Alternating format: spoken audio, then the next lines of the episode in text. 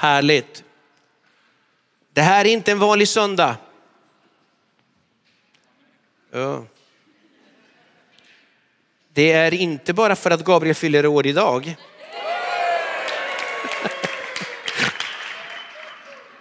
Han tycker det här är så kul.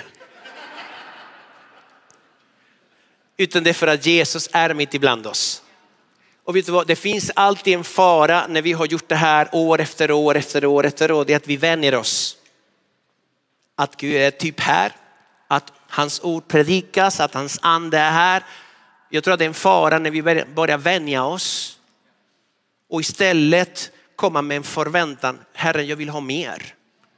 Jag vet att du förmår mer. Jag nöjer mig inte med det jag har, jag vill ha mer. Öppna din himmel min Gud och låt ditt regn falla över det torra för att du kan mer. Amen. Så det här är en speciell söndag. För Herren är här och han vill tala till oss var och en, men han också vill vidröra oss med sin ande. Så att vi går härifrån och predikar hans ord som sig bör. Amen. Eh, Jorge Moreno är mitt namn, är en av pastorerna här och eh, jag kommer att predika idag om en, en liten fras, någonting som vi hittar i Fader vår och det är tillkomme ditt rike. Tillkomme ditt rike. Eh, lärjungarna ber Jesus, lär oss att be. Lär oss att be. Och när han säger lär oss att be, det betyder inte att de inte kunde be. De var judar allihopa, så de visste vad bön är för någonting. De har bett många, många, många gånger. Men det måste finnas något som är annorlunda när Jesus ber. Det är någonting. Det är någonting som doftar annorlunda, som smakar annorlunda. Det jag vet inte vad det är. Det är längtan, det är intimiteten. Det är något annat än det vi brukar göra. Därför Jesus lär oss att be. Ja, då ska ni göra så här. Fader vår som är i himlen. Men i den finns det en fras. Tillkomme ditt rike. Låt din vilja ske så som i himlen så och på jorden. Det här är mycket mer bara en fin fras som låter bra i en fin bön. Utan det här är, den är, den är präglad av en längtan. Jag vill se ditt rike komma hit. Jesus har inte kommit till oss för att ta oss till himlen. Han har kommit för att ta himlen till oss. Det som finns där, han har dragit ner den till oss. Och han vill att vi ska få uppleva det här. Och det är det som kallas för riket. Riket är ditt och makten och äran i evigheternas evighet. Och jag tror att skulle vi fråga tio troende om vad riket är och vad det innebär, då skulle vi få tio olika svar. För att det här med Guds rike verkar vara som ett lite diffus och lite så här svårdefinierat begrepp. Och jag tror att problemet sitter i ordet rike. Där ligger problemet. För när vi tänker på det, då får vi associationer till en geografisk plats, till en fysisk plats med gränser, med ett folk, med en regering och med ett statsöverhuvud, en kung. Och det hjälper oss att titta lite grann på originalspråket, grekiskan. Och där är ordet rike basileia. Och basileia betyder mer regerande. Inte bara riket utan regerande, härskande, agerande. Så det är, ett, ett det är inte bara substantiv, det är någonting som är i rörelse. Guds rike är inte något statiskt fyrkant som jag kan placera någonstans, utan det är någonting som rör sig, som är in action. Och det här ordet har att göra med den legitima auktoritet en kung har. Hans ämbete har. Med andra, med andra ord, det handlar om kungens agerande. Det handlar om kungens härskande. Det handlar om kungens eh, agerande. Det handlar om det han säger och det han gör. Det finns andra uttryck som skulle kunna hjälpa oss att förstå vad det här med tillkommer ditt rike, vad är det för någonting? Och där till exempel när vi pratar om Guds regerande och Guds härskande och Guds agerande. När vi pratar om Guds suveränitet, Guds auktoritet, Guds herravälde, Guds välde, Guds inflytande, Guds påverkan, Guds influens. Det är någonting han gör. Följande uttryck kan hjälpa oss att förstå det här ännu bättre. Guds ord, Guds tankar, Guds planer, Guds vilja, Guds ledning, Guds avsikter, Guds vägar. Eller Guds ande, Guds kraft, Guds smörjelse, Guds gärningar, Guds verk, Guds fruktan. Eller Guds närvaro, Guds liv, Guds frid, Guds ordning, Guds helighet, Guds härlighet, Guds ära. Tillkomme ditt rike, då säger vi att Gud ska komma med allt det här. Det här är inte bara en liten önskan, en fin fras. Det är mycket mer. Gud, visa vem du är.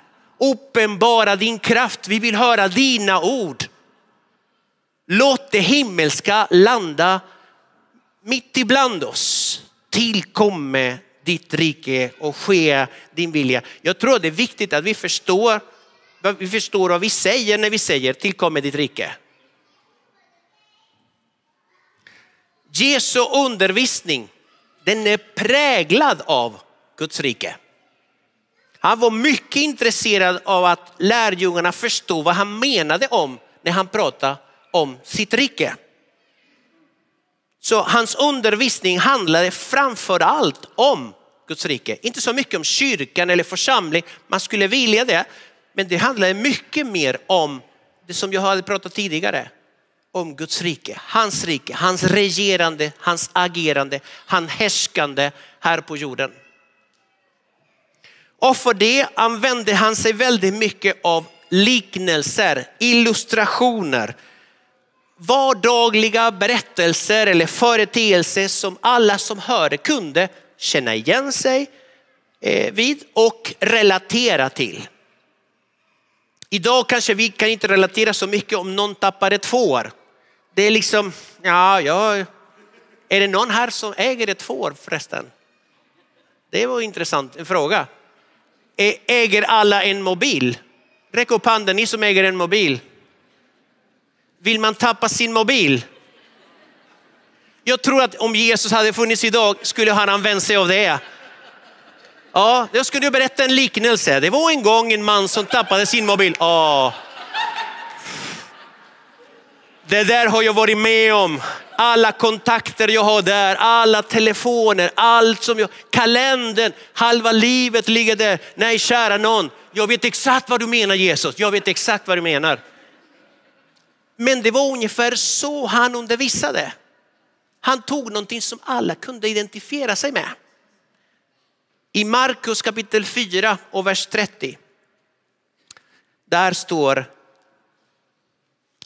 någonting som, hur undervisar han om Guds rike? Han sa också, vad ska vi likna Guds rike vid? Eller vilken liknelse ska vi använda för att beskriva det? Det här är någonting som han hela tiden, men berätta mer, berätta mer om Guds rike.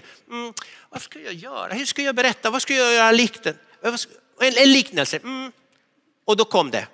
Det är likt det här, eller det här, eller det här, det här. Och summan om alla de här liknelserna ger mig en idé om vad det var. Varför då? För att det var lite diffust redan då. Man visste inte riktigt, tillkommer ditt rike, jättebra bön, men vad menar du med det? I Markus samma kapitel, kapitel 4, lite längre fram, 33 till 34, det står så här. Med många sådana liknelser predikade han ordet för dem på ett sådant sätt att de ville lyssna. Han talade bara i liknelser till dem, men när han var ensam med sina lärjungar förklarade han allt det här är någonting som ni måste fatta. Ni måste begripa det här för att ni kommer att predika längre fram det jag undervisar. Det här måste ni veta vad det handlar om. Gud är som vinden. Gud är ingen vind. Gud är som vinden i den meningen att det går inte att se. Men jag kan alltid se vad vinden gör. Och i den meningen, det är ungefär vad Guds rike är. Jag ser vad den gör. Guds rike är när jag ser, när jag kan uppfatta, när jag kan höra vad är det han gör, vad är det han säger, vad är det, hur han tänker han. Så vi kan uppfatta vad Jesus, kungen, säger och gör. Och det vi ser är Guds rike. Hur då? Det är när du hör Guds ord och helt plötsligt ditt hjärta börjar klappa lite extra. Och bara tun, tun, tun, tun, tun, tun. Oj, det där var till mig. Det där inte var till min granne, det var inte till honom eller till henne. Det där var till mig. Gud talar, Guds rike är där. Och upplever Guds närvaro. Upplever att jag, jag har inte mått bra, du känner dig svag, du känner liksom att mördrömmarna kommer varje natt. Det är någonting som är på gång helt plötsligt på ett möte. Du upplever bara att Gud kramar dig. Guds rike är där. Kungen, härskande är där. Hans agerande är där. Han vidrör dig. Vem vill inte uppleva Guds vidrörande? Vem vill inte uppleva hans närvaro, att han är nära dig, att han sitter bredvid dig, att han ger dig ny kraft. Det är det som du har bett för. Vem vill inte det? Det är därför han har kommit, för att plantera och etablera sitt rike här på jorden. I början av, eh, av eh, Matteus evangeliet i kapitel 5 till kapitel 7, vi ska inte läsa den nu, men där är bergspredikan. Jesus ser folkskaror som samlas och då sätter han sig och undervisar dem om Guds rike. Han berättar om, eh, om principerna i Guds rike, han berättar om värderingarna i Guds rike, han berättar om hur kan man känna igen när Guds rike är i, på framfart. Det här är vad han gör och han använder sig hela tiden, återigen, av liknelser, illustrationer för att människor ska förstå och känna igen när Guds rike är mitt ibland oss. Vad ska jag likna Guds rike vid? Det säger han ofta. Han talade inte bara när han levde bland lärjungarna utan han fortsätter att prata om Guds rike även efter uppståndelsen. Och det är också en intressant grej. Apostlagärningarna kapitel 1 och vers 3. Där står så här, det här är efter uppståndelsen. Han visade sig för dem efter sitt lidande och gav dem många bevis på att han levde då han under 40 dagar, 40 dagar lät sig ses av dem och talade med dem om Guds rike. Vad var det han ville att lärjungarna skulle fatta? Guds rike, hur Guds rike fungerar. Så även innan han får upp till himlen, det enda han är intresserad av det är att lärjungarna ska veta hur Guds rike fungerar. När vinden blåser, uppfatta det. När regnet faller, uppfatta det. När elden brinner, du uppfattar det. När Herrens närvaro, han är här. Då letar jag inte efter mobilen utan jag bara tar emot allt som Gud har att säga. För han vill alltid säga något till sina barn.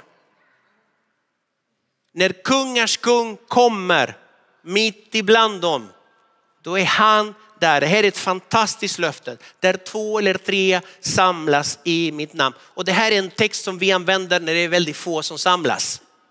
Mm nu ska vi ha ett bönemöte, det kommer två stycken. Ja, ah, men då är det två eller tre som samlas i hans namn, han är där.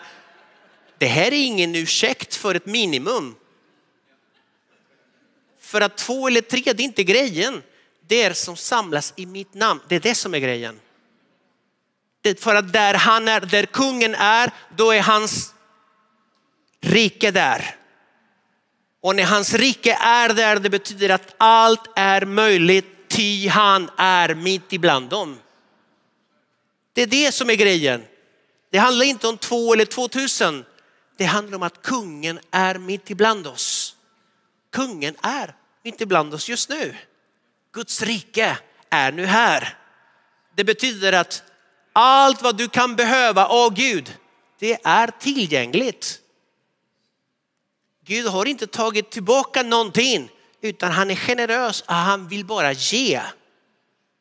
Så ta emot den friden du söker, ta emot den kärlek du söker, ta emot den frälsning du söker. Ta emot den förlåtelsen du söker, ta emot den befrielse du söker, ta emot den helande du söker. För att han är här, kungars kung och herrars herre är mitt ibland oss. När vi börjar förstå vad Guds rike är, då säger vi tillkomme ditt rike. Kom Gud och uppenbara vem du är. Och han är god, bara god och alltid god. Yes. Amen. Herren uppmuntrar oss och säger så här, sök först. Guds rike ska sökas. Guds rike ska efterlängtas. Guds rike måste sökas aktivt. Det är, det är ingenting som bara faller på. Jag, jag gick omkring och oj, nu kom Guds rike. Utan det är någonting som jag längtar, jag bara sträcker mig efter det. Guds rike måste sökas. Världen däremot kommer och kör över dig. Men Guds rike, låt oss söka där det först. Och när vi prioriterar Guds rike, allt det andra ska tillfalla oss. Oh, ja, men då så, då kommer vi få en massa grejer. Ja, om man ser det så ja. Men om det prioriteringen är Guds vilja först, allt det andra måste handla om att jag får det jag behöver för att Guds vilja ska ske. Det låter bättre det där. Än att jag ska få allt det jag önskar mig som att Gud bor i jultomten. Gud har planer, Gud vill göra någonting och han, vi har privilegiet att få vara med i det han tänker göra. Han räknar med dig och dig och dig och dig och mig. Det där är Guds rike. Han behöver någon. Konflikter med ett annat rike. Guds rike är i konflikt med ett annat rike och det är det riket som, som finns redan här. Jesus kom för att etablera sitt rike, ett annat rike där Guds värderingar gäller där. Ett rike som är totalt annorlunda. Det är ett rike som är i strid med det här riket. Och i Guds rike finns det någon som är kung och det är Jesus. Men i världen finns det någon också som är högsta auktoriteten där och det är inte Jesus. Det kallas för djävulens rike och fiendens rike och mörkrets rike och satans rike. Med andra ord världen. Och hur kan vi förstå bättre världen? Kommer du ihåg den listan som jag läste i början? Och jag sa Guds rike och Guds agerande och Guds inflytande och Guds ord och sådär. Ta bort bara Guds och stoppa Satans istället. Va? Hur kan jag känna igen den här världen? Det är Satans värderingar, det är Satans lögner, det är Satans ord, det är Satans inflytande. Och jag behöver inte säga att det vi ser idag i världen, det är väldigt, väldigt mycket det som finns här. Världen är som den är. För att det inte är Jesus som är kung där. Kolosserbrevet kapitel 1 och vers 13 säger lite grann om det liv som du och jag har haft innan vi möter Jesus. Det står så här, han har frälst oss, han har räddat oss, befriat oss från mörkrets välde, från mörkrets rike, från Satans rike och fört oss in i sin älskade sons rike. Och i första Johannes 5 och 19 det står så här, och vi vet att vi tillhör Gud, att vi tillhör Guds rike och att hela världen är i den ondens våld. Varför ser världen ut som den gör? Det är för att Jesus är inte kung där. Och då kan någon säga så här, men du är väldigt naiv och tro att lösningen på allt det här, det är att Jesus blir kung. Ja, så långt kan jag gå med det där. Så naiv är min tro. Att den enda som kan rädda vår stad och vårt land, det är Jesus. Jag sa inte kristendomen, jag sa inte kyrkan, jag sa Jesus och hans rike. Det är vad vi behöver. Det våldet som vi ser, det onödiga våldet som finns, det obeskriviga våldet som finns, det mörkret som finns, kriminaliteten och gängen och allt. Lösningen är Jesus? Ja, det är, det är lösningen. Om Jesus, låt Jesus komma in i fängelse, då kan du se vad han kan göra. Låt Jesus komma in i Rinkeby och Tensta och Fittja. Låt honom komma in där och då ska du se vad som händer. Låt kriminella människor få uppleva hans kraft.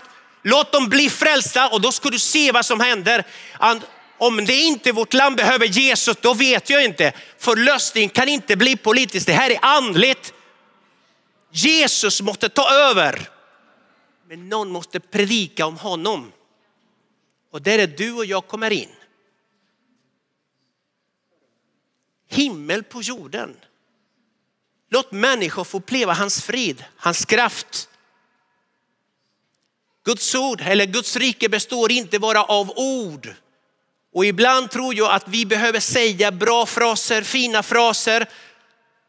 Vi behöver mer kraft. Hans kraft, inte min kraft, inte din kraft eller vår erfarenhet eller vår förmåga att prata. Det är inte retorik vi behöver. Det vi behöver är Guds rike.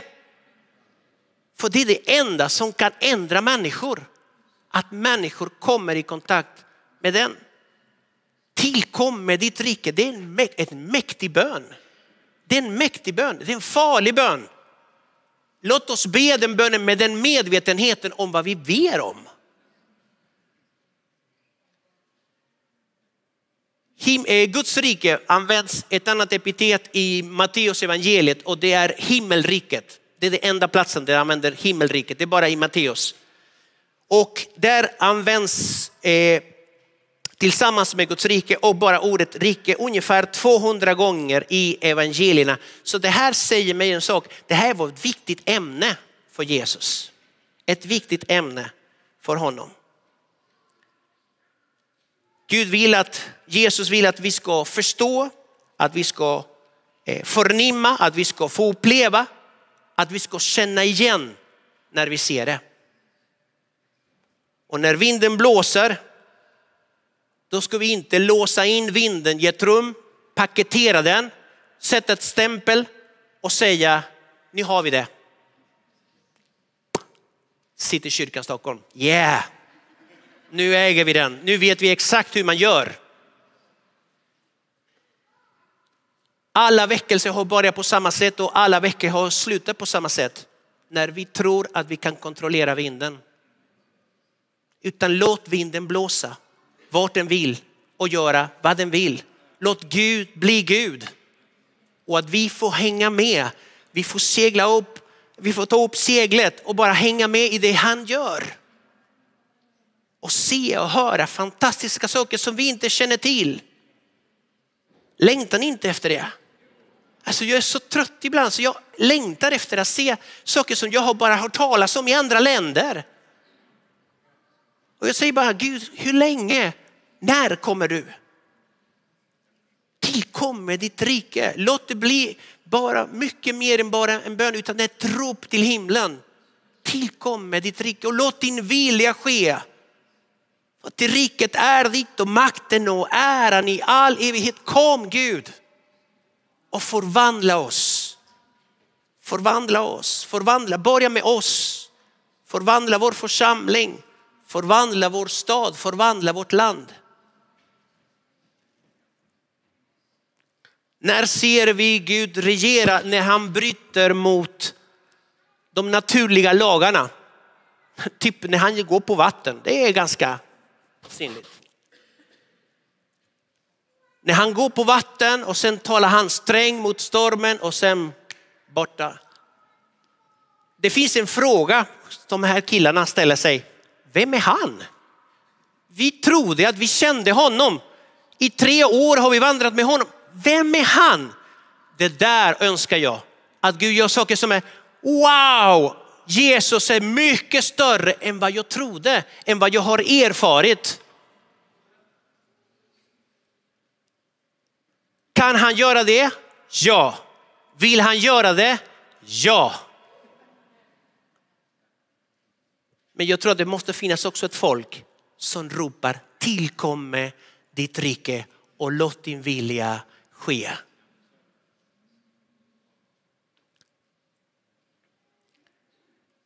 I Apostlagärningarna kapitel 10 och vers 38. Petrus ska berätta för hedningarna om vem Jesus är. Presentera lite grann, en fras Jesus är. Och då säger han hur Gud smorde Jesus från Nasaret, från Nasaret med den helige andens kraft. Han som gick omkring och gjorde gott och botade alla som var i djävulens våld, i djävulens rike, under djävulens påverkan. Till Gud var med honom. Om det finns någonting som kännetecknade Jesu liv, det var den kraften som följde honom i det han gjorde.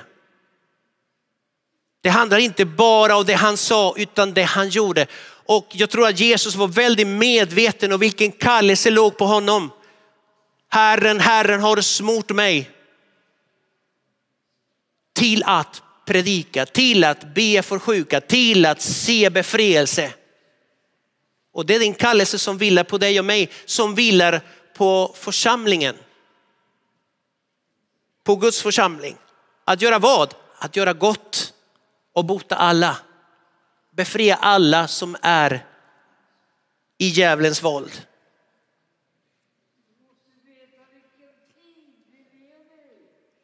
Amen, det behöver vi. Det behöver vi. När Jesus eh, kommer till oss. Han kom, det finns tre faser eller tre etapper i det han gör. Den första är han kommer för att upprätta den brutna relationen mellan människan och Gud. Och denna etapp går mellan det som händer i paradiset och korset. Det står i Lukas 19 och 10 så här.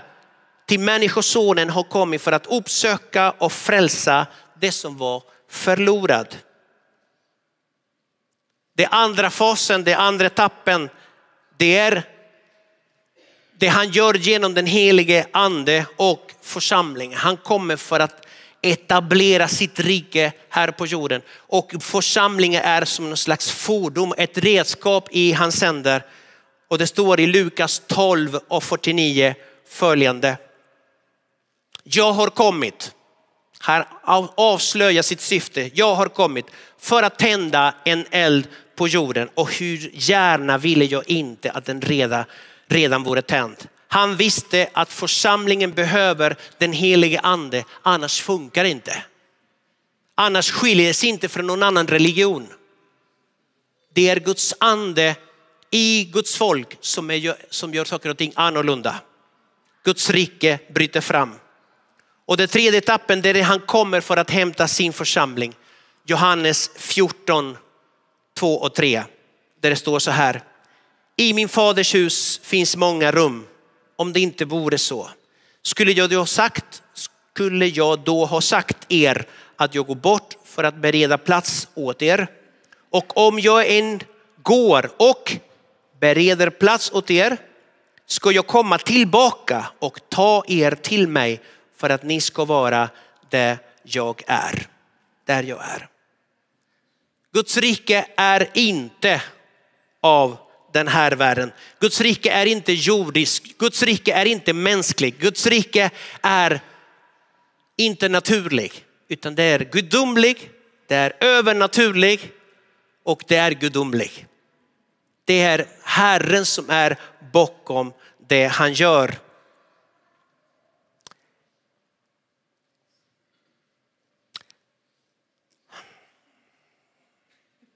Ja, du vet, nej.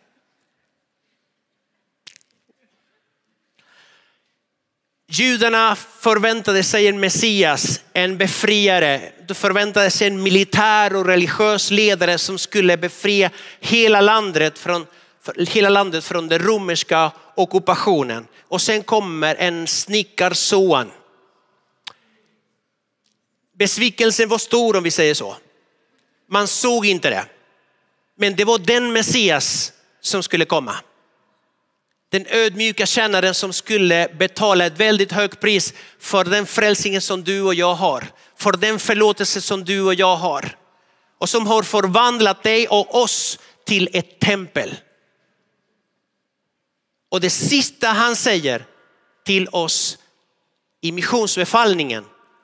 Vi brukar alltid säga så här, oh, gör alla människor till lärjungar. Men backar vi liksom lite grann till vers 18. Det står så här, all makt är mig given. Både i himmel och på jorden. Därför. Att gå ut och predika evangeliet, det handlar inte bara om att säga någonting. Det handlar om att låta Gud säga någonting genom mig. Det är en evangelium som har kraft att frälsa och förvandla. All makt är mig given, därför var inte tyst. All makt är mig given, därför behöver du aktivera dig. All makt är mig given, därför du behöver inte gömma dig eller skämmas för mig. För all makt är mig given, därför uppenbarar jag det här för dig, vad Guds rike är och gå. Gå och predika evangeliet och Gör alla människor till lärjungar och döp dem i Faderns och Sonens och den helige Andens namn. Och glöm aldrig att jag är med dig. Du är aldrig ensam i detta. Utan du är fruktansvärt beroende av att jag är med. Men jag är med och jag kommer att använda dig och jag kommer att hjälpa dig. Så det farligaste bön du kan be är tillkomme ditt rike och låt din vilja ske så som i himlen, så i mitt liv, så som i himlen, så i min familj, så som i himlen, så i min församling, så som i himlen, i min stad, så som i himlen, i vårt land. Låt oss be.